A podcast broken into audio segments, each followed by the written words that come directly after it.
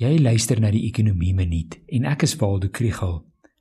Gereelde luisteraars sal weet dat ek soek graag na nuus oor die herstel van die ekonomie na verlede jaar se groot inkrimping.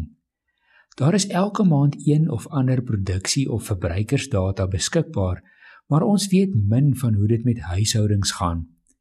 Dit maak iets soos die Netscram opname belangrik en die resultate van die 4de ronde van die opname is die week bekend gemaak. Dit wys dat dit stadig aan beter gaan met huishoudings, maar ons is nog ver van waar ons was voor die pandemie. Een belangrike maatstaf is hongerte.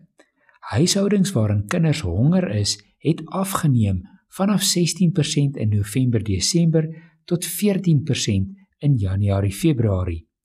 Dit is egter amper dubbel soveel as die vlak van 8% voor die pandemie. Die belangrikste oorsaak van hongerte is as 'n huishouding hulle hoofbron van inkomste verloor het.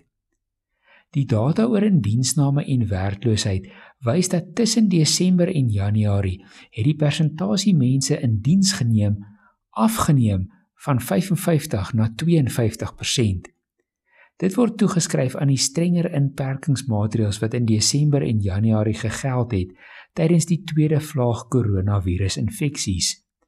Dit is veral vroue en jong mense wat werke verloor het.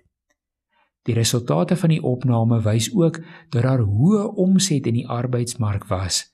Ongeveer 20% van mense wat werk gehad het in Oktober was werkloos in Januarie.